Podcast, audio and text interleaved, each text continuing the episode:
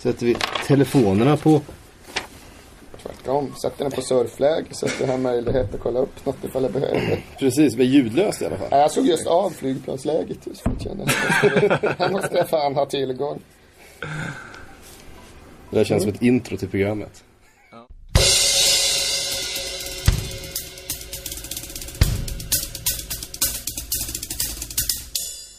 Ja, då hälsar vi alla välkomna tillbaka till Sillypodden, denna succé. Det är det andra avsnittet. Vi hade det första eh, så tidigt som igår.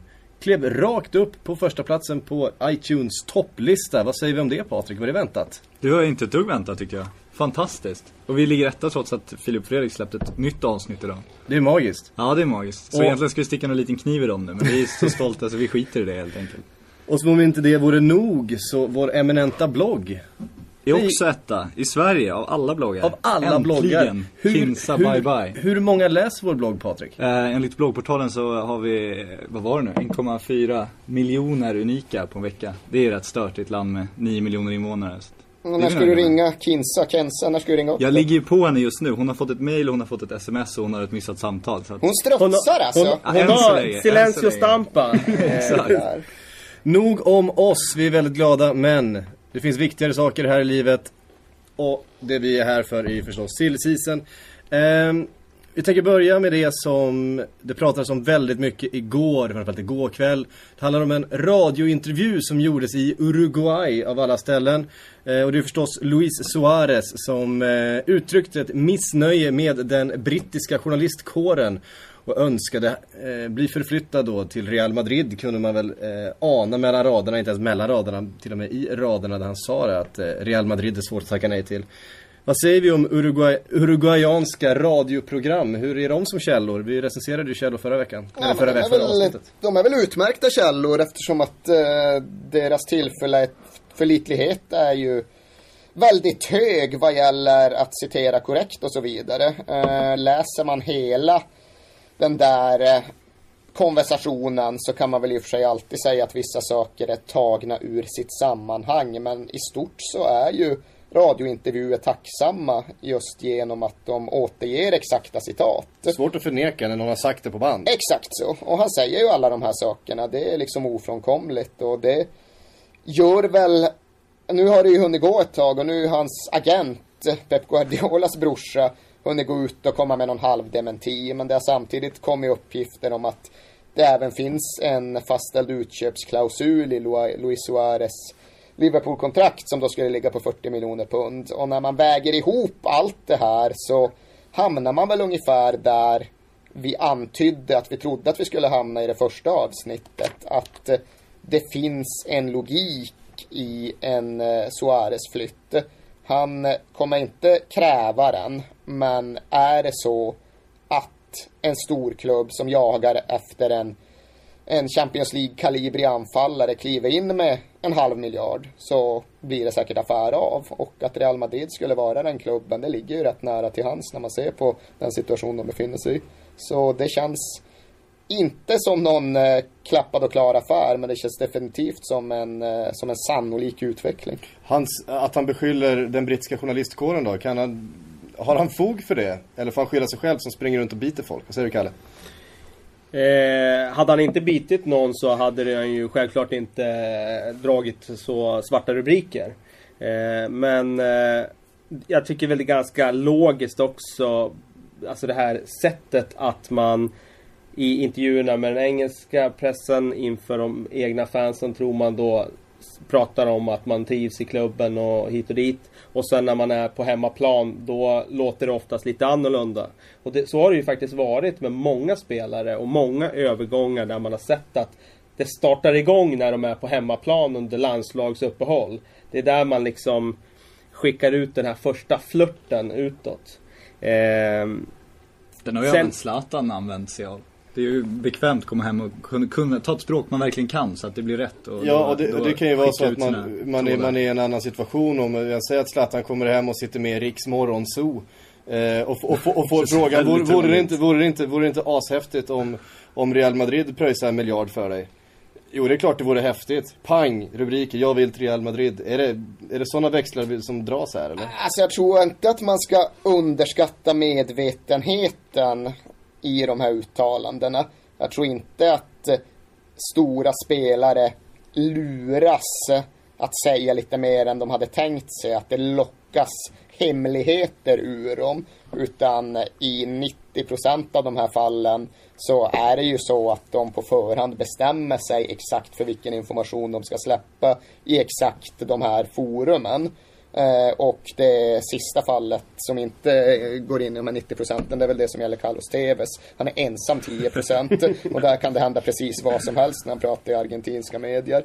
Men generellt sett så tror jag det här är väldigt genomtänkta uttalanden som planlagts av spelaren tillsammans med agenter och i vissa fall även familjemedlemmar.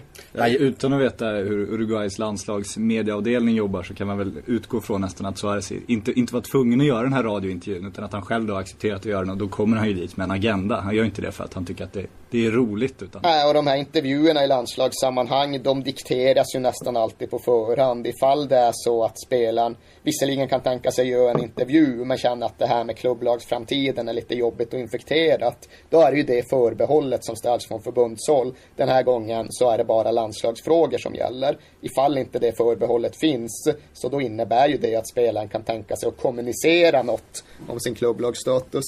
Alltså han gör det ju inte lätt för sig.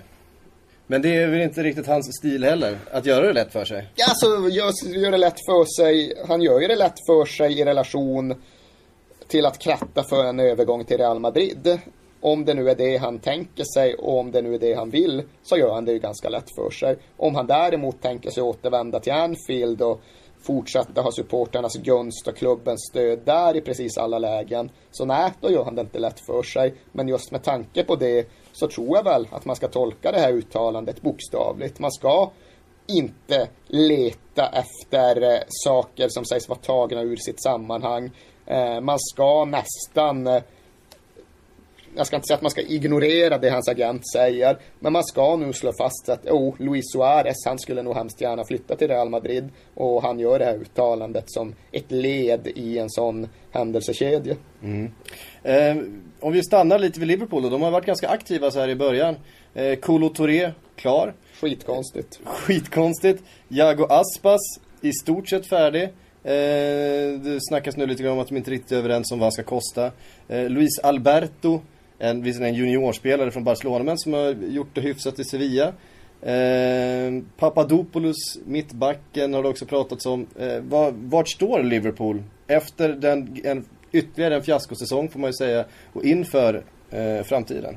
Framförallt om Luis Suarez försvinner förstås. De står ju mitt i en eh, ombyggnation av truppen som eh, eh blev eh, framtvingad när Brennan Rogers tog över. De hade ju egentligen initierat en satsning innan dess. Men sen bytte de tränare och han eh, eh, ville ha ett annat typ av spel.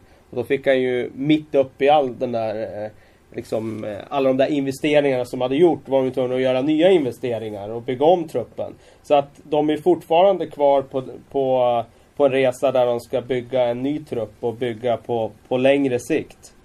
Eh, och med längre sikt menar jag ett par år framåt i tiden i alla fall. Mm. Får man det med Kolotoré? Nej men... Man får bantningskurer får man. Ja, just det. det är en bra grej. Det är en märklig värvning men jag, jag, kan ändå... Ja, eh, gratis. Eh, precis, det är en märk alltså, den känns ju märklig. Men jag kan ändå se att Liverpool behöver fler alternativ som kan kliva in. Som accepterar att sitta på bänken och kan kliva in på en mittbacksposition. När det har varit skador nu så har man ju alltid, ja men det finns inte så många att plocka av i Liverpool. Det är liksom Carragher, ja okej. Okay. Men bakom han då? Han lägger ju också av nu.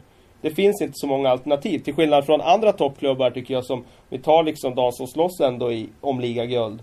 Så har de avsevärt fler alternativ och de kan ha fyra mittbackar borta så är det i alla fall som vi tar i Uniteds fall, det är ändå Jones och Smalling som spelar mittback. Så har man ändå alternativ. Och Coloturé gjorde faktiskt ett par riktigt, riktigt bra matcher här i våras.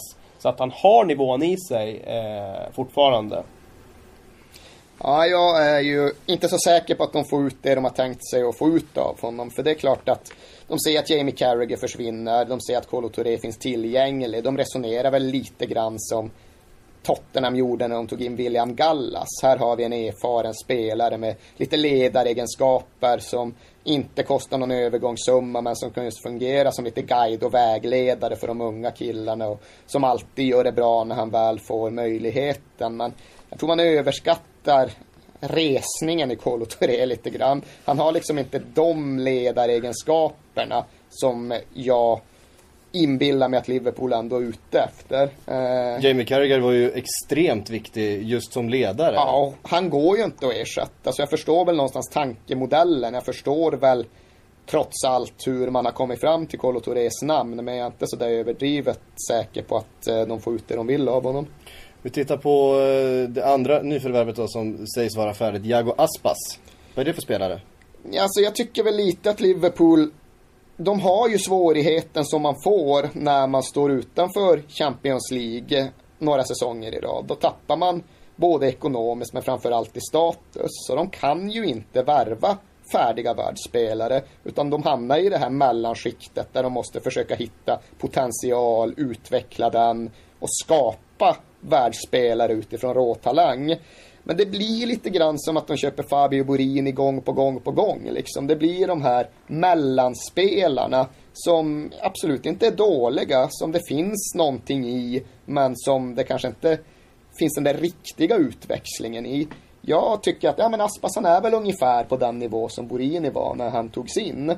Och höjer han sig plötsligt två snäpp, ja då är det ju jättebra. Men det måste just till en höjning. Och i Borinis fall blev det ju snarare så att han gick tillbaka lite grann med sina skador och så. För även om man funkar i ett eh, Parma eller ett Celta Vigo så är det ju inte självklart att man funkar lika bra i ett Liverpool. Och när man tar den här typen av risker, när man gör den här typen av investeringar, man köper just ja, hyfsade talanger, talanger, utvecklingsbara spelare från en annan liga så är det ganska sällsynt att man verkligen hittar det där guldkornet, att man lyckas vaska fram det. Så jag tycker lite Liverpool fastnar i den här fällan att de köper mellanmjölkspelare, sådana mm. som absolut inte är liksom dåliga, men inte heller de här riktiga råämnena, de här supertalangerna som man tar i riktigt unga år. Och det är inte heller de spelarna som redan är där uppe, för de kan de liksom inte komma åt. Vad har de för val då? Kan de få supertalangerna? Ja, supertalangerna kan de få, alltså om man är inne och jobbar på 18-19-åringar. Och jag blev ju mer entusiastisk när de tog in den här killen från Leverkusen, som jag inte kommer ihåg vad han heter just nu. Kalle kan säkert hjälpa mig. Gesil. Gesil, Samen Gesil, ja. Där tyckte jag att, ja men där finns det någonting. Det här kan bli riktigt bra. Men just när de tog in Borini och när de tar in Aspas så kände jag att ja, ja, jo men det blir säkert okej. Okay. Men de hittade ju Coutinho. Coutinho är ju guldkornet där som de har vaskat fram. Och där, men där är vi uppe då på supertalang faktiskt. Även om man inte är 18-19 längre så är han ju fortfarande eh, en av de spelarna i Europa med kanske högst potential som man sett de senaste åren. Så där tror jag att de fick, när vi pratade om supertalang, så fick de honom då. Eh, och jag tror att de vill ha fler sådana. Men ja, både med Coutinho och Sturridge så tog de ju lite skadat gods. Och det är ju en ganska vettig sak att göra. Just ta den forna supertalangen som kanske inte riktigt kom in rätt i den här storklubben. Men som fortfarande är genuint ung. Eh, så där finns det ju någonting. Det är ju Tors på Tallinn-principen alltså. Jag känner inte till den Andra sortering, det är där man kliver in. Ja, det, det. Ja, men är det inte så att det kanske går fyra talanger på ett, på ett guldkorn då? Att, man, att man, man, man, får värva ganska mycket helt enkelt. Nu ser vi att de tar Iago Aspas, Luis Alberto över en, en, en snarlik värvning egentligen. Ja, eh. Vi kan ju kasta in Asaidi där också ja, som var Asaidi. en billig värvning ja. som eh, inte har fallit väl ut än så länge i alla fall. Men, eh... men det är den typen av värvningar man kan göra fyra av ifall det är två miljoner euro. Det är svårt att ha råd i fyra sådana när det börjar vara tio miljoner euro som det har varit, det har varit med Borini och som det är med Aspas nästintill. Mm. Eh, och då tror jag det är svårt att få ihop den ekonomiska ekvationen. Eh, vi ska gå vidare, vi ska lämna Liverpool eh, och gå vidare till Arsenal. Du pratade ju väldigt mycket inför här i säsongsavslutningen att Arsenal skulle spendera väldigt mycket pengar. De skulle bygga upp det här laget igen som jag har eh, trillat sönder nästan under de senaste sommarsäsongerna.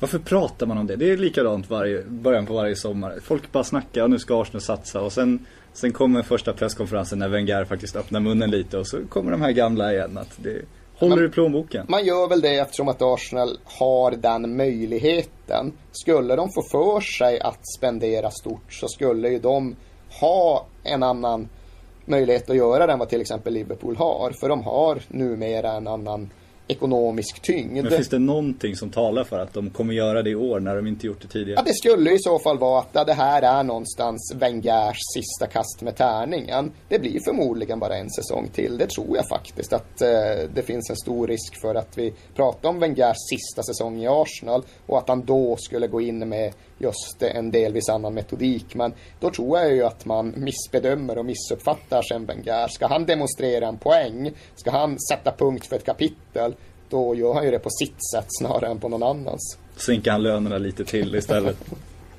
Ja, det pratas lite om målvakt där också. Eh, det känns väl ändå som eh, Chesney spelat upp, har spelat upp sig mot, eh, mot tidigare säsonger. Eh, inte mot eh, den nivån han höll när han kom fram tycker jag. För då såg man ju en blivande världsmålvakt. Och den nivån har ju inte hållit de senaste två åren. Eller i alla fall de senaste ett åren. Det har ryktats lite om Julio Cesar. Ja, eh, han gjorde ju faktiskt en, en av de som var, kom undan med heden i behåll i QPR. Gjorde några riktigt bra matcher. En tror absolut att- sista tredjedel av säsongen av någon anledning. Ja, eh, jag tror i och för sig att han skulle kunna steppa upp i en klubb som Arsenal och, och med den rutinen han har så skulle han ju tillföra någonting som de inte haft sedan Jens Lehmann egentligen stod i Arsenal. Så eh, jag tycker inte alls det är orimligt att de lägger pengar på en målvakt den här sommaren. Ja, det blev ju uppenbart att Wenger tappade lite förtroende för Chesney. För jag tror att han, precis som alla andra, trodde extremt mycket på honom när han kom fram. Men sen gick han ner lite i prestation och då blev han ju petad av Wenger. Han föredrog ju en ytterst begränsad Fabianski under ett avgörande skede av den här säsongen. Så jag tror han är lite missnöjd med målvaktssituationen. Och där kan det väl möjligen vara så att han kan han vill säkert inte kicka ut Chesney ur klubben. Han ser säkert att han kommer bli väldigt bra på sikt. Men att han gärna skulle vilja ha en lite mer här och nu målvakt. En lite mer erfaren keeper här. Och då är det Julio Cesar och Victor Valdes som man först kommer att tänka på. Men ja, det är återigen i så fall delvis en, eh, ett eh, steg bort från den arbetsmodell Wenger alltid har haft. För han har ju liksom aldrig prioriterat målvaktsfrågan på det sättet. Eller han har i alla fall inte gjort det sen han tog in Lehmann. Sen dess har han ju satsat mer på oerfaret eller Almunia, vilket är synonymt på något diffust sätt. Och Wenger i, i lönekrig med Monaco om Valdes hade, hade varit en spännande. Jag tror inte det är så självklart att Valdes går till Monaco, men ja, det är klart att det, det är inte uteslutet heller. Det är inte uteslutet att någon går till Monaco. Fermalen då? Det har ju också pratats mycket om att han kommer lämna.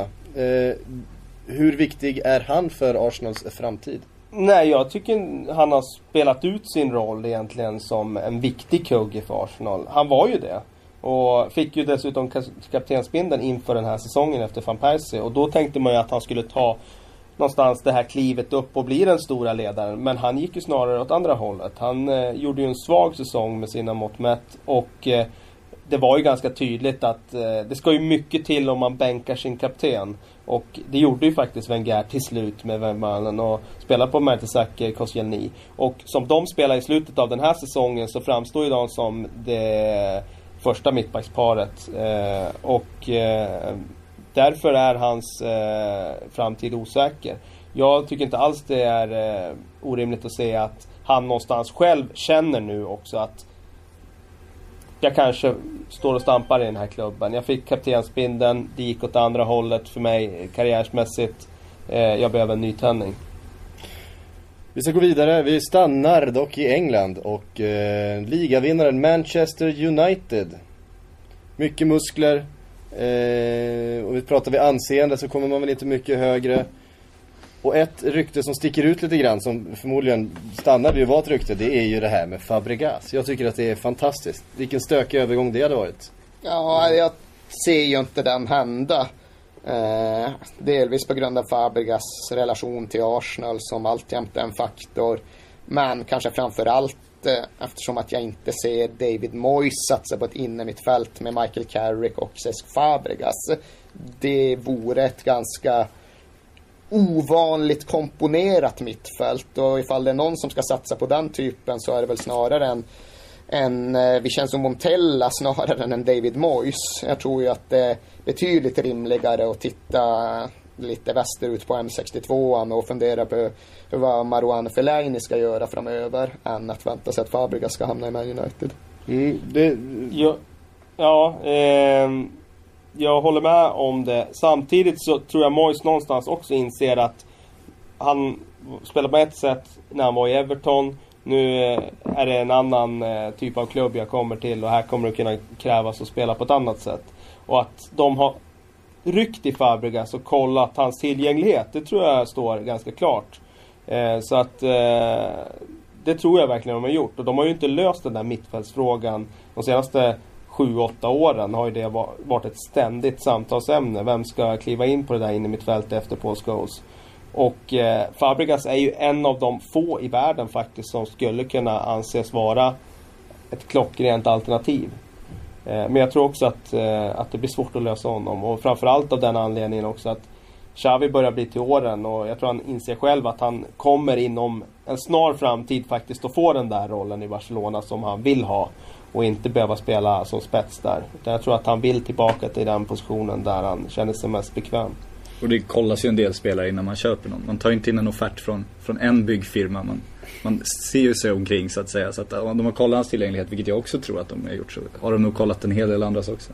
Och det är ju också en fråga om vem som kollar en tillgänglighet med vem. Men det är ju Ja. när man pratar om en europeisk transfermarknad och när man pratar om de stora klubbarna och de stora spelarna så ska man ju vara klar över att det finns en väldig massa personer som säger sig företräda saker, som säger sig ha mandat att göra saker. Så det kan ju definitivt vara så att en person som i någon diffus förlängning har kontakt med Manchester United och eller Cesc Fabregas har sonderat terrängen. Men det är ju på samma sätt som att inte bara ta in offert från en byggfirma så finns det inte bara en byggfirma knuten till ett bygge utan det är ju verkligen en djungel. Det är ju ofta så att en spelare använder sig av ett flertal olika agenter för just att kolla vilka möjligheter. En agent har bra öppningar i Italien, en annan har bra öppningar i Tyskland och den ena agenten möjliggör en viss övergång och den andra agenten kan klara av en annan övergång.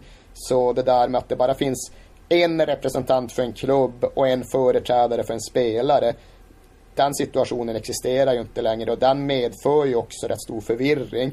Det var ett bra exempel här bara för någon vecka sedan när Jupp Henkes agent påstods ha gått upp och sagt att ja, ja, men hör Real Madrid av sig, då kommer absolut Jupp acceptera det erbjudandet. Sen kollade de lite närmare på vem den här snubben egentligen var. Ja, då var han en restauranginnehavare i Madrid som brukade ha Henke som gäst lite då och då. Då brukade de snacka lite grann. Men det var ju ett uttalande som levde i ett dygn i kraft av att Jupp Henkes agent sades ha sagt de här sakerna.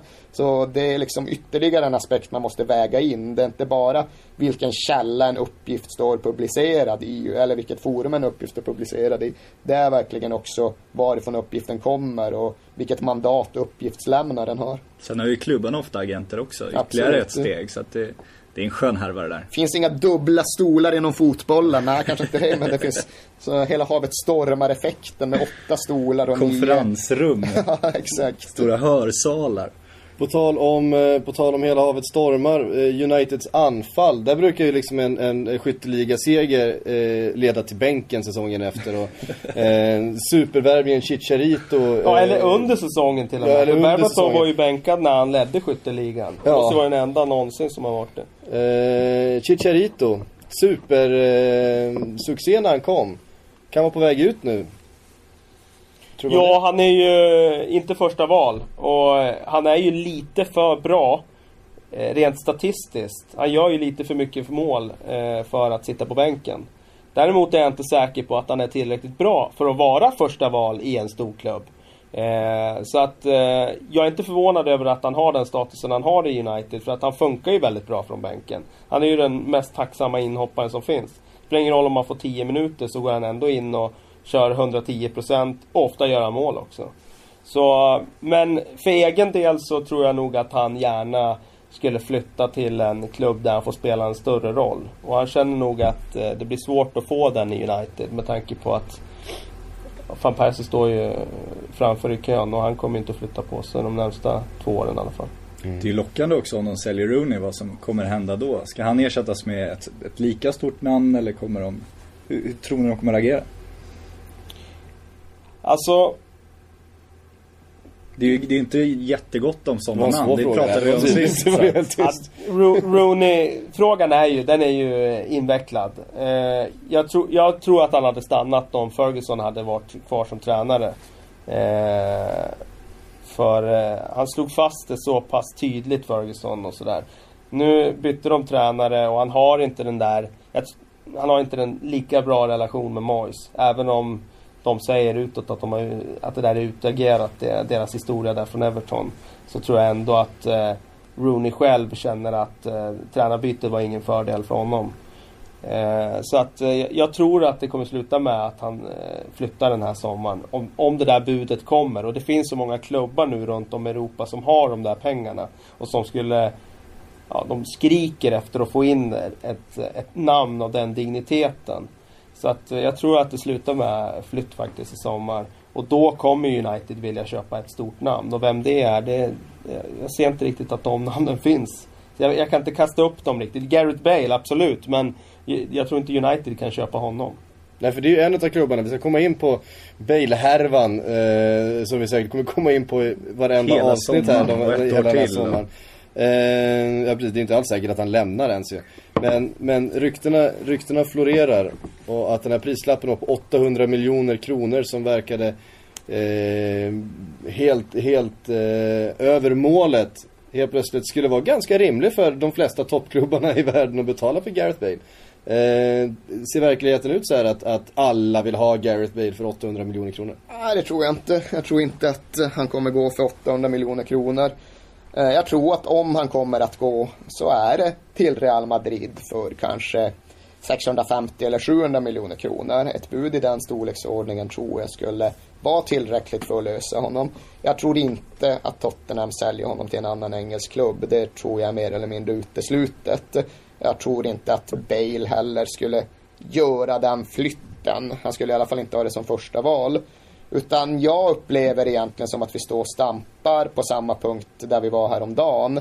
Där vi är i en situation där Tottenham kan tänka sig att sälja till ett Real Madrid som de har något märkligt lillebrors, någon märklig lillebrorsrelation till. Det finns ju något samarbetsavtal som i praktiken innebär att eh, Real Madrid får ta alla Tottenhams ledande spelare och Tottenham inte får ett endaste dyft tillbaka. Bra deal. Eh, ja, det är bra deal för vissa inblandade.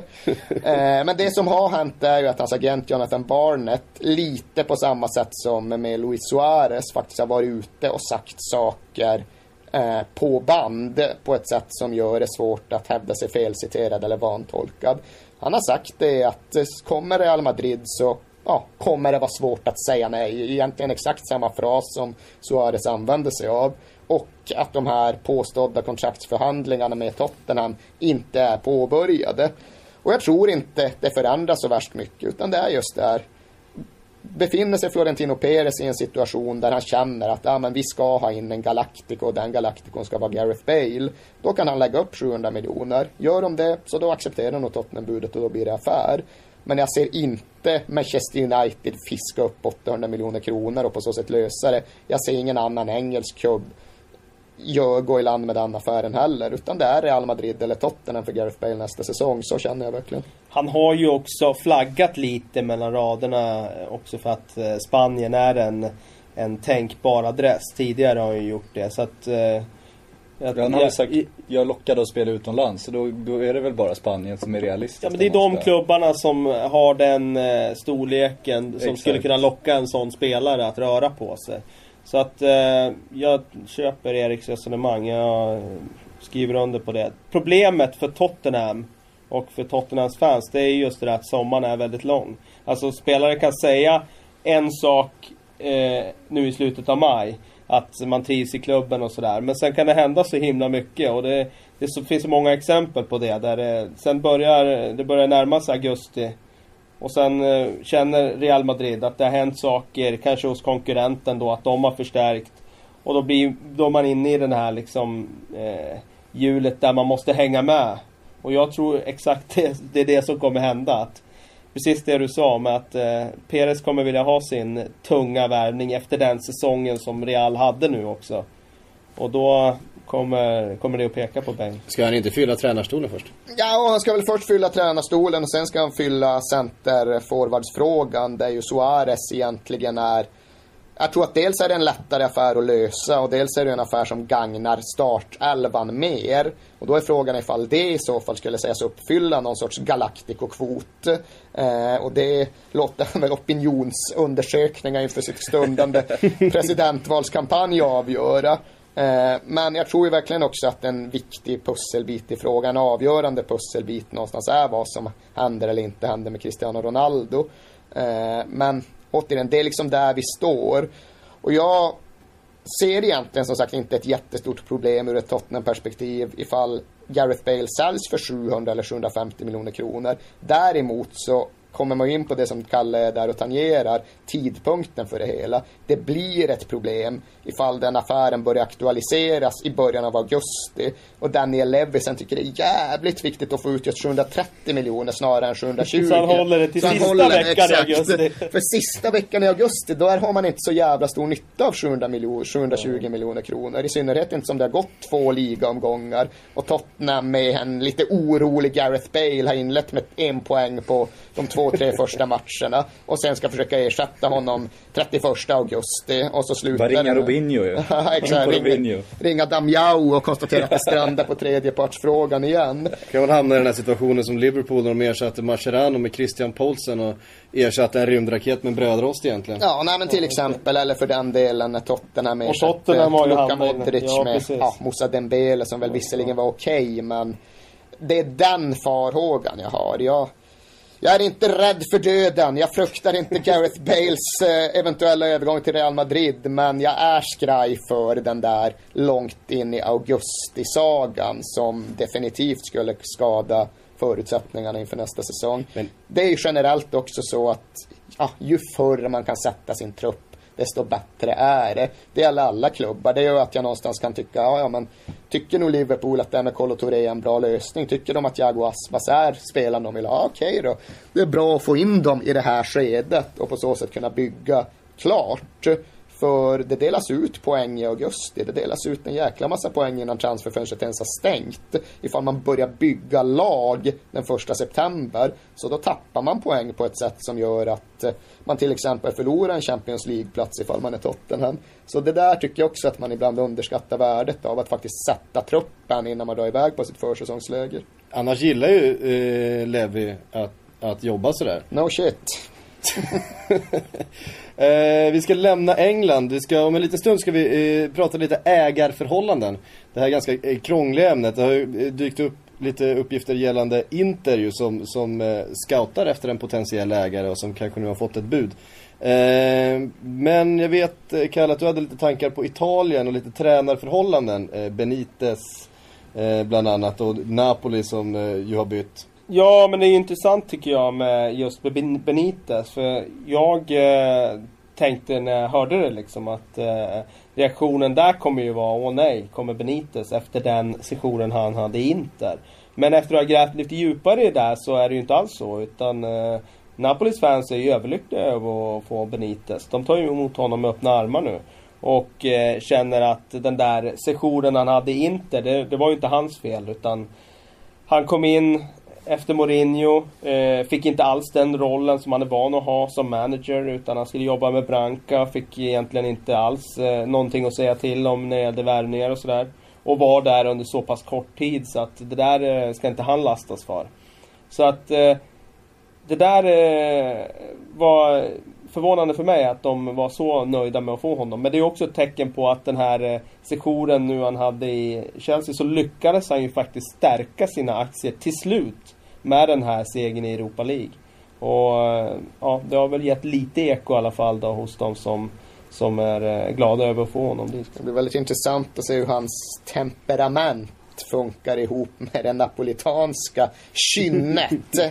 eh, för det kan ju absolut bli så att det någonstans kompletterar vartannat. Att han har den här liksom lugna, analytiska överblickande förmågan som ibland går förlorad i den häxkittel som är San Paulo. Det är ganska svårt att hålla lugnet och den analytiska förmågan intakt när det brinner till där. Men det finns ju definitivt också en risk att det blir den här fisk på torra land-känslan. Att liksom Rafa står där och byter ut Marek Hamsik för att sätta in en extra ytterback för att dubblera upp på någon farlig ytter som motståndarlaget har. Och, och folk bara undrar vad fan det är frågan om liksom. eh, det är inte självklart åt vare sig ena eller andra hållet och det kommer vara väldigt lätt att vara efterklok men jag har ju definitivt en misstanke kring att den entusiasm som nu kanske ändå omgärdar Rafa Benites utnämning kan naggas lite i kanten när det just eh, säkras lite defensivt och när det byggs upp några noggranna kalkyler kring hur man ska nullifiera motståndarhotet. eh, han är inte Mazzarri Rafa-Benitez på väldigt många sätt. Och det är ju också intressant just med att han inte är Mazzarri med tanke på att Napoli har ju varit en av de klubbarna som har varit föregångare i Italien med den här trenden med trebackslinje. Och eh, Masari hjärnan bakom det. Nu kommer Benitez som är en eh, tränare som använder fyrbackslinje och kommer han då att Varva Arbeloa? Ja, ja, förmodligen. Ja, det är det som är roligt. För de det snackas om nu, det är liksom Skertel, Daniel Agger, det är hans spelare. Dirkaut. Dirkaut snackas det också om. Och det är jätteintressant att det är den typen av spelare han vill plocka dit. Mm. Men... Ähm... Så det är väl ganska lätt att uppfinna de ryktena också. Just eftersom det är han. Det är ofta så när en tränare flyttar att så här, ja men nu kanske han vill ha med sina gamla här. Det kommer ju sådana Mourinho-rykten också hela ja, tiden. Och förvånansvärt ofta vill de också det. Ja, jo, så är det, det också. Är ju... Men det gäller att värdera Men det är väl deras killar, är det inte lite så det funkar? Så man har ett, ett, ett, ett, gäng som man har funkat med, som man, som man gillar att åka på en längre bussresa tillsammans med liksom. Och som, som Sen tror jag också ett... sådär, om man har tränat spelare så har man sett den spelaren så pass mycket på träning och sådär. Då har man sett, man har sett den spelarens högsta nivå. Som kanske inte alltid har visat sig i match. Men man vet någonstans att den här spelaren har det, för det har han visat på träning under mina två år som jag hade som, den här spelaren. Som Marcus Rosenberg alltid är bäst på alla landslagsträningar. det är helt sjukt det Sen ja. skickar de ut honom i match och då bara nej, nej. Ja, men för det såg man ju till exempel med, med Liverpool och förra året och Brennan Rodgers som tog in Borini. Det första han gjorde. Ja, det Joe var liksom, Allen var ju det han verkligen ja, investerade allt sin energi på att lösa ja. liksom. Joe Allen och Borini, det var, det var de han skulle ha liksom. Ja. Eh, Men där var det ju mycket fråga om just just rollspelare. Han ville ha en viss typ av innermittfältare och där trodde han sig veta exakt vad han skulle få av Joe Allen medan det inte fanns så många andra sådana spelare på den brittiska marknaden. Inte så många som hade visat att de klarar av det där i Premier League. Och sen kan man ju verkligen diskutera Joe Allens säsong i Liverpool. Men det finns ju definitivt någonting i det ni båda säger. att man tar gärna en spelare som man tror sig veta vad man får av och det gäller ju både kvalitet och mentalitet. Det är ju det som gjort att José Mourinho alltid har tagit med sig Ricardo Carvalho. Han gillar hans mentalitet, han gillar hans sätt att liksom förverkliga hans eh, taktiska vision ute på planen. Att han liksom just kan göra fotboll av de tränarinstruktioner han har fått med sig.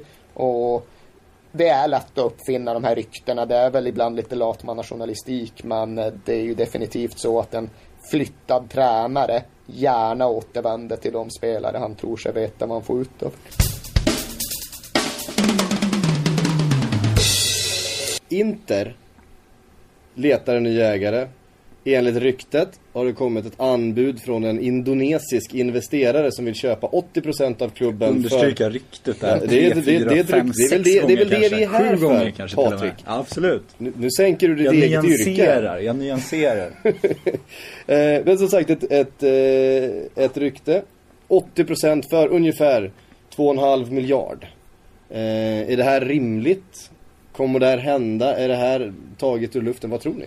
Alltså man ska ju ha klart för, för sig att Inter är en väldigt speciell europeisk toppklubb så tillvida att det är och har varit ett familjeföretag i ett halvt århundrade. Eh, så skulle de gå över från att styras av Moratti-familjen till att styras av ett indonesiskt mediekonsortium så vore det en enorm förändring. Och det innebär ju också att jag har lite svårt att tro på att för nu rapporteras det att ja, det budet har kommit och det ska de ta ställning till om 48 timmar. Pang, boom, krasch liksom. Moratti kliver av och stiger åt sidan från sitt livsverk. Jag kan inte se att processen när Inter väl byter ägare kommer vara så snabb. Jag tror att den kommer vara utdragen och ganska traumatisk och oerhört ödesmättad på många sätt. Eh, nu är det visserligen så att Moratti har ju sett tröttare och tröttare ut de senaste 6, 7, 8 åren. Hela Calciopoli-snurren tog ju hårt på honom på en massa olika sätt.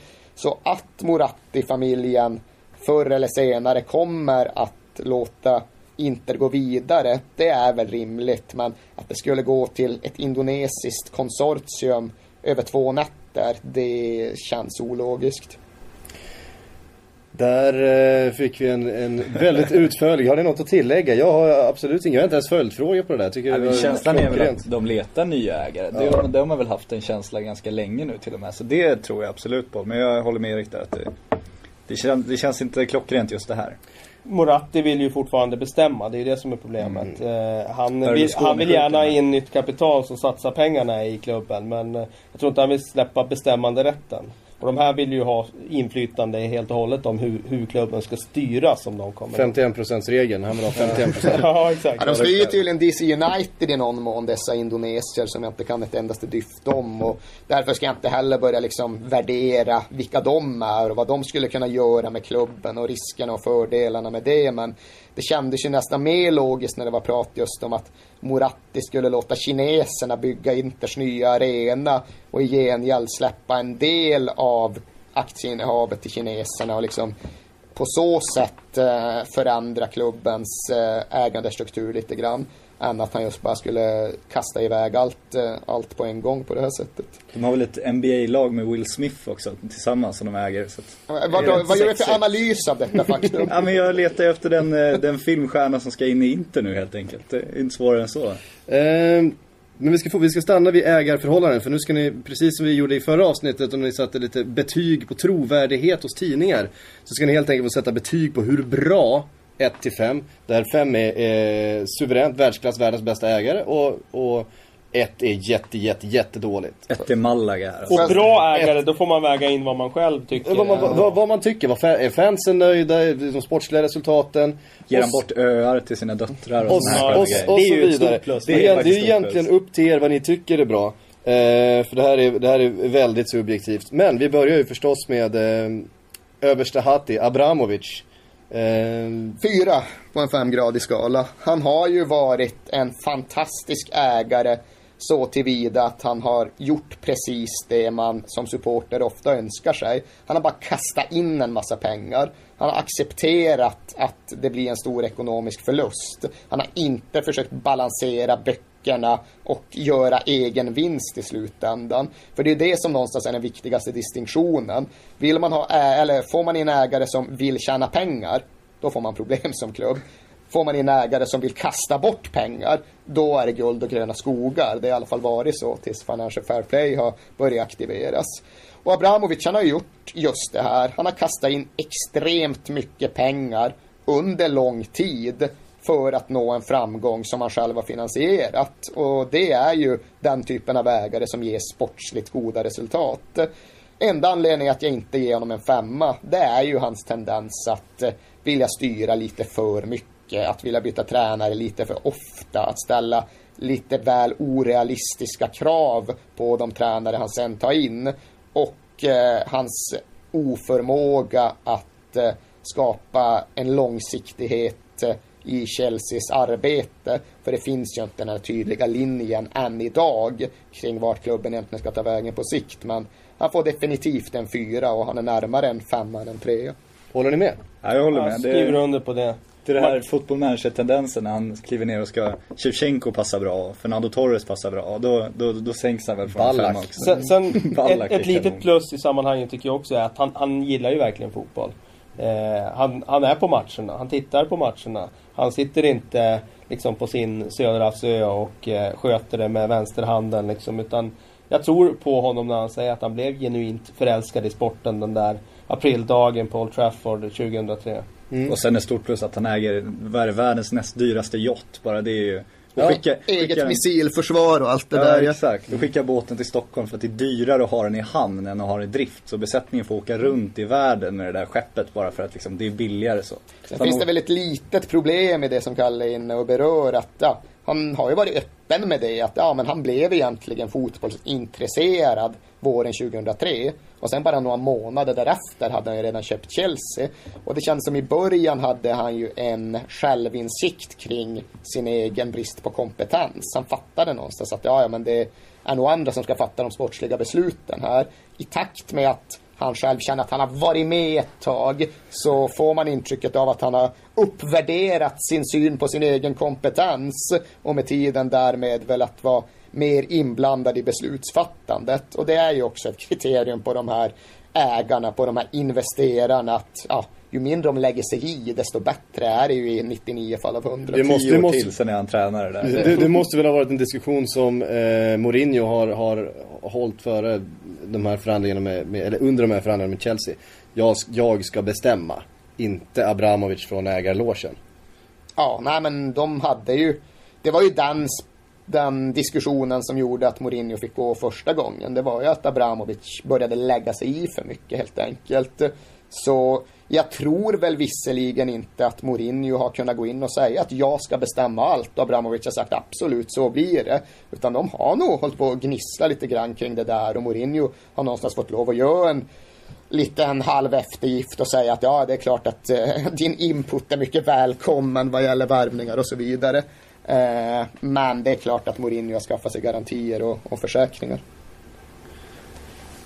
Nu sitter Patrik Ja. Syk här och gör helt obegripliga och tecken runt teckenspråk, mikrofonen. Det ska. Ja, jag ska bara se så att rullas och det roteras. rullar precis som det ska. Ja, vad bra. Ja. Ja, vad blev det? Jag fick Det, Det var tur att den där utläggningen fastnade på band. Du skulle kunna dra den där igen. Ja. Eh, där får vi klippa lite grann. Nej, Nej, tvärtom. nej, Nej. rakt ut, Ja, rakt Ja, ut. rakt ut för fan. Ja, men så jobbar vi. Vi ska gå vidare. Nästa ägare, Mansour, Manchester City. Ehm, Gott om pengar i alla fall. Gott om pengar. Ja men alltså om man ska... Jag, jag köper resonemanget som Erik har om eh, med pengar och utlägg och så och vad man har för krav på eh, payback så att säga. Eh, som ägare. Så att det är väl samma egentligen eh, sak i deras fall. De har lagt en massa pengar. De har egentligen inte fått igen några pengar på det sättet. Utan det har bara varit att stoppa pengar i ett svart hål. De har lyft upp klubben till en nivå där de inte har varit på 40 år. Eh, de eh, har vunnit titlar. De har gjort sina fans glada. Eh, så att det är väl en fyra åtminstone. Eh, jag kan inte se att... Det blir spännande att se vem som ska bestämma där nu tycker jag bara. För de tog ju in en VD och en sportchef från FC Barcelona och så ska de ha in en manager där också. Och Om han inte rimmar med dem helt liksom. Det, de, var, de var ju tvungna att, sparka Mancini också vilket de beklagade och det djupaste i sitt pressmeddelande. Nej, alltså. Pellegrini kommer ju inte få någon Ferguson-position där. Utan han kommer ju förväntas jobba inom vissa långsiktiga riktlinjer. Men det tycker jag väl någonstans är ganska okej. Jag tycker att Manchester Citys ägare är så nära en femma man kan komma utifrån deras förutsättningar. För det är klart att utifrån någon form av idealistisk traditionell fotbollssyn så vill man ju helst att den här ägaren som pumpar in miljard på miljard ska vara en lokalt baserad affärsman som har vuxit upp på ståplats och nu bara investerar genom sin eh, osvikliga kärlek till den lokala klubben. Men om man bortser från den grejen så då är väl nästan det här Manchester City-ägandet så bra som det blir. För de har ju gjort i stort sett allt det Abramovic gjort plus att de faktiskt har investerat en hel del i lokalsamhället. De har ju lyft hela området där i östra Manchester där den nya arenan ligger och de investerar otroligt mycket i den här kommande ungdomsakademin och det är klart att man kan raljera kring att det är bara ett sätt att komma runt financial fair play men ja, det är det delvis men nej det är inte bara det utan de har faktiskt gjort en hel del grejer för lokalområdet, för staden Manchester och för folket som bor där. Och det gör att ja, de är minst på samma nivå som Abramovic i utvärderingen. borde det ju nästan vara en fördel om du inte har den här växt upp på ståplats och så. För då blir det ju ofta beslut med hjärtat och sådär. Det här kanske blir folk då som ändå kan, kan resonera lite tydligare och vara lite mer logiska. Ja, men man ska vara fotbollsbeslut, hjärtat ska alltid vara med i fotbollsbeslut. Det funkar inte som andra, annat businessbeslutsfattande. Så, nej, jag vet inte. Du håller fast vid den. Ja, ja, jag, jag klamrar mig fast vid, vid den sista lilla strimlan av eh, det tänkandet som återstår. Lysande. Eh, en fyra. Var vi Ja, om? jag sa minst fyra. Minst fyra, en femma. Är vi, är vi uppe på en femma Eftersom Erik sa femma så då kan vi ju dra upp det till femma. Är det en Peter Od- Oddenvinge fyra eller är det en femma? Ja, nej men det... Ja, men det får bli en stark fyra. För femma det är någonstans i så fall det optimala ägandet. Och då hamnar man ändå på... På ståplats. Ja, men i alla fall det lokalt eh, förankrade. Och det det är världens dyraste yacht också. Man kan ju säga så här, det är ju enklare för Abu Dhabi att göra den här fina samhällsinsatsen och det här när de har obegränsat med pengar. För det har de ju verkligen. Alltså det finns ju ingen, eh, det finns ju ingen botten i den här kassakistan. Så är det. Vi, vi ska eh, lämna Manchester City, men inte bege oss speciellt långt. Vi ska till Manchester United och familjen Glazer. En, en annan typ av, Ja, av där är det ju ägande. mer intressant. Eh, vad, vad säger vi om det gänget? Alltså jag är väldigt nära att sätta en etta på dem, men det är ju lite så här ryggmärgsreflex att jag avskyr deras jävla affärsmodell och jag avskyr deras jävla förhållningssätt till fotbollen. För de är ju precis den här sortens ägare som ja, vill tjäna pengar på klubben i första hand. Och deras metod för att göra det är ju direkt eh, omoralisk och direkt skadlig för klubben i fråga. Det är ju det här med att de låter klubben betala köpet av den. Alltså de köper klubben och så lånar de pengar av Manchester United för att göra det. Och nu har det gått tio år och det är fortfarande så att enorma summor går från Manchester Uniteds klubbkassa till räntekostnaderna på de här lånen. Så i grund och botten tycker jag ägarmodellen är usel. Jag tycker inte att den borde vara tillåten överhuvudtaget. Men jag får ju någonstans ändå acceptera nästintill respektera att de har varit oerhört skickliga på, på att få klubbens ekonomi att fortsätta växa. Det var redan ett globalt fenomen när de tog över klubben, men de har ju varit extremt drivna i att ekonomisera verksamheten ytterligare. Intäktsnivåerna idag är ju helt andra än de var när de tog över. Och det är ju krasst sett en bra sak för klubben. Sen har de också låtit Alex Ferguson jobba i fred i rätt hög utsträckning. De har inte lagt sig i det sportsliga egentligen överhuvudtaget. Så jag ger dem en tvåa. Eh, Jag vill ge dem en etta, men jag köper att de ska ha en tvåa och jag kan väl någonstans förstå att eh, en lite mindre sentimental utvärdering kanske till och med skulle få upp dem på en trea. Jag kastar Ja. in trean då. Jag Ja. skiter i det sentimentala. Det är ganska redan tydligt tror jag. Man får ju räkna titlar också känner jag. Det är det man... ja, men man det är får utvärdera det man- förutsättningar. De tog en del titlar innan Glaciers kom. Ja, ja, absolut. Samtidigt så när, när, de tog över så var ju alla överens om att det här kommer gå åt helvete. Och det här, nu är liksom klubben eh, på väg ut för verkligen. Det kommer inte ha några pengar till att köpa nya spelare och sådär. Men gör man bokslut på, på deras, eh, deras tid nu i United så det är tre Champions League-finaler. Det är fem ligatitlar och det är några andra titlar. Eh, klubben har varit i sin mest framgångsrika period faktiskt. Så att det är nu, tycker jag, man ser en del fans som faktiskt börjar vända och någonstans eh, inse att ja, de är kanske inte så... Alltså när de kom så var de ju det mest onda tinget på jorden. Vilket man kan förstå. Med tanke på att de gjorde precis det som Erik berättade. La över lånen på klubben. Men nu börjar man se att, eh, att de är rätt skickliga på det här med att, med att hitta nya marknadsmöjligheter. Och jag menar, sättet som de bröt ny mark genom att hitta ett tröjavtal till deras träningströjor. Det var ju helt otroligt. Det var ju liksom banbrytande i fotbollsvärlden. Eh, att få ut så mycket pengar för det. Och där är de ju otroligt skickliga. Eh, så att om vi bara tittar på deras arbete och jag blundar för det moraliska här och bara tittar på deras arbete, då sätter jag en trea på dem. Vilken härlig panel vi har som sitter och blundar för det moraliska. Ja, Det- det tenderar fotbollsanhängare att göra, även om de inte riktigt erkänner utåt. Men det blir ofta så. Men jag tycker jag ska bara snabbt lägga in att jag tycker trots allt att eh, de har inneburit en bakbundenhet för Manchester United. Jag tror att Manchester United hade vunnit ännu mer med en bra ägare, alltså med en genuint bra ägare.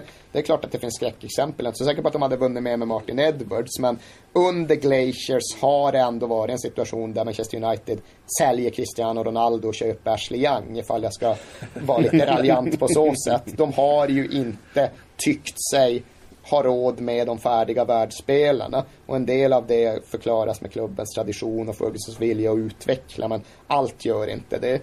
Manchester United är ekonomiskt sett på Barcelonas och Real Madrids nivå, men de har inte haft möjlighet att konkurrera på samma transfermarknad under de senaste tio åren.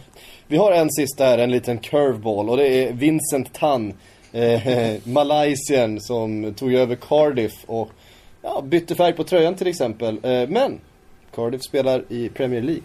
Eh, vad, vad, vad säger man om en sån? Ja, men det är ju precis som du säger, det är en curveball och egentligen allt det här är ju det är ett sammanfogande av två förhållningssätt. Man har det idealistiska på ena sidan och sen har man eh, det krasst eh, framgångsanknutna på andra sidan. Och jag tycker väl i och för sig att Vincent Tans gärning i att lyfta upp Cardiff inte är så där oerhört remarkabel. De har knackat på den där uppflyttningsdörren väldigt många år och visst, de hade en situation där de var skuldtyngda och behövde en ny ägare. Men det är ju ändå så att eh, Cardiff City skulle ta sig upp i Premier League förr eller senare nästan oavsett vem som hade tagit över klubben. Så jag tycker inte han har gjort så där extremt mycket för att förbättra deras sportsliga situation. Han har gjort en del och han kommer göra lite mer. Men däremot har han gjort ofantligt mycket för att rasera deras tradition. Jag ligger ju på någon form av skala lite mer kanske åt det idealistiska hållet. Jag tycker att sånt betyder saker. Och jag tycker inte att det enda som räknas i fotboll är tabellplaceringen. Så jag ger han med viss tvekan en tvåa. Det är lite där också Glacier-grejen. Egentligen vill jag bara säga att det är en etta och stänga kistlocket där. Men jag köper att han ändå inneburit en viss sportslig framgång så han kan få en tvåa. Jag vet att andra säkert skulle ha givit honom en fyra men that's not me babe. ja, jag är nog inne på, eh, på eh, liksom svag tvåa, etta. För att någonstans så tog ju han bort grundvärdena i det som, som är en fotbollsklubb och vad fansen identifierar sig med. När han bytte färg på tröjorna, när han bytte ut klubbmärket. Och att börja i den änden som han gjorde med att göra så radikala förändringar. Det, det tycker jag var Ja, det var, det var ett lågvattenmärke. Vi stänger kistlocket Ska man, ska, ska, ska man, ska man komma ihåg att det var fjärde gången som Cardiff bytte klubbmärke på, vad är det, 20 år? Så det var det, det, Försvarar du det här? Jag, jag spelar djävulens advokat. Det, det, det är liksom... Eh, alltså hela den klubbmärkessituationen är ju väldigt intressant. För nästan alla stora klubbar har ju bytt klubbmärke, framförallt i England, av så här patentskyddsskäl. Och det kan man ju tycka väldigt mycket om. Men där finns det ändå ofta någon sån här situation att klubbar anser sig nödda och tvungna. Här var det ju så demonstrativt. Här var det liksom att han ville gå in och göra någon form av maktmarkering gentemot den malaysiska marknaden. Och det blir ju så oerhört bakvänt och så oerhört bisarrt. Men sen ska man ju verkligen också säga det och man ska komma ihåg det att eh, en majoritet av fotbollsfans, jag talar ju inte för en majoritet av fotbollsfansen, det har jag tvingats inse de senaste åren. De allra flesta fotbollssupportrar prioriterar tabelläget över någon form av tradition, traditionalistiska värderingar och någon inbillad identitet och så vidare. Skulle du be Cardiff-fansen sätta betyg på Vincent Tan så finns det definitivt en ganska stor grupp dissidenter som skulle ge han ettan och stänga kistlocket. Men jag skulle tippa att ett eh, totalbetyg ifall alla skulle uttala sig skulle hamna på 3,7 eller något sånt där liksom. För i de allra flesta fotbollssupportrars ögon så ursäktar framgång allting. Eh, jag tillhör inte dem, men jag är jag har tvingats, jag har blivit smärtsamt medveten om att jag just är någon form av gammalmodig minoritet. Men, Risken men så- är ju om det- du urholkar allt det här, om du byter klubbmärke, du byter tröjfärg och sen, och sen misslyckas du med tabellplaceringen. Ja, då Ja, ja, då blir det ju dubbel backlash såklart. Men just det där med, det där med att det är framgång, eh, tabelläge och så, alltså, man ser ju det, det är ju samma sak när det gäller spelare. Alltså en spelare kan ju vara hatad av en klubb eh, för att han har gjort ditt och datt i någon annan klubb. Och så kommer han till den klubben till slut och sen går det bra, ja då, då är det där glömt. Det är ju så. Jag föraktar det hyckleriet. Ja, jag jag avskyr Jag mig också. själv när jag, Jag står och jublar åt ett Emanuel Adebayor-mål. Ja, Eh, När du men- springer över hela planen Ja, och slänger dig på knä. och- Ja, det var och för sig underhållande redan när det hände. Men, eh, men eh, jag är medveten om det och jag tar avstånd från mig själv redan fem minuter senare. Eh, Men du och- står där, du gör det ändå. I ögonblicket gör jag det absolut. Sen som sagt så... Sen går du och duschar.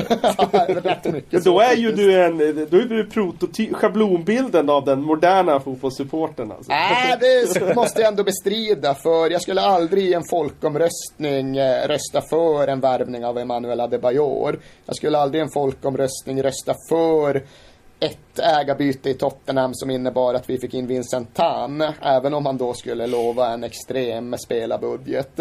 Jag skulle inte rösta för en flytt till OS-arenan i Stratford, även om vi fick arenan gratis och på så sätt hade haft helt andra förutsättningar att hävda oss.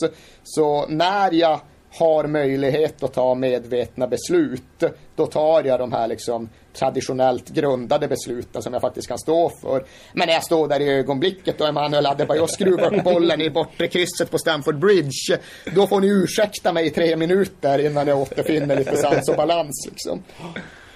Det var det om dem. Där fick vi lite, lite svar på i alla fall. Vincent Tan. Vi får hoppas att han inte hamnar i i Tottenham då så att ni får spela i röda tröjor. Det vore ju... Det inbillar mig, jag inbillar mig att det vore punkten då jag faktiskt slutar bry mig. Sen Erik kommer så... helt uttorkad av allt duschande då. Det kommer vara flagna. Nej men ja, det finns mycket att säga om det där. Om liksom balanserandet mellan vem man tror sig vara och vilken klubb man tror sig hålla på och hur verkligheten faktiskt ser ut. Men nu har vi redan pratat rätt mycket så jag misstänker att det är någon som vill stänga av mikrofonen Ja, istället. vi, ska, Nej, vi, ska ta, vi ska bortklippt, ta en liten, vi ska ta en liten, liten utflykt till Spanien också och prata om ägarförhållandena där. Eh, Kalle. Ja, men jag tänkte mer egentligen det som har hänt i Spanien. Eh, nu med idag. Erik Abidal har ju eh, Ja, just det. bekräftat. Det, det. det är klart vi måste, vi måste Lyfta förhålla oss bara. till i en sån här podcast. Erik Det är Abidal. som händer också. En- Är det sant? Ja, Ja, precis. Det, utanför här, Sillypodden, så händer det faktiskt grejer. Oj, på Silly. oj, oj. det går att läsa i, i Silly-bloggen också. Ja. Eh, Erik Abidal förstås. Eh, en väldigt speciell resa han har gjort i, i Barcelona som nu tar slut. Vad, eh, vad tar han vägen? Ja, det ryktas ju om Monaco då. Det är väl inte alls omöjligt att han skulle ta steget tillbaka till Frankrike och bli en del av, av, de- av den storsatsningen. Eh, det som är intressant var att han sa ju faktiskt att eh, han hade velat stanna i Barcelona. Men de hade en annan syn på det hela. Och eh, det är ju lite intressant med tanke på hur han har kämpat sig tillbaka under de här åren och nu eh, verkar vara fit for fight. Och att man då väljer att göra sig av med en spelare som eh, var så pass bra. Och jag tror att han kan eh, vara en nyttig medlem i den truppen fortfarande.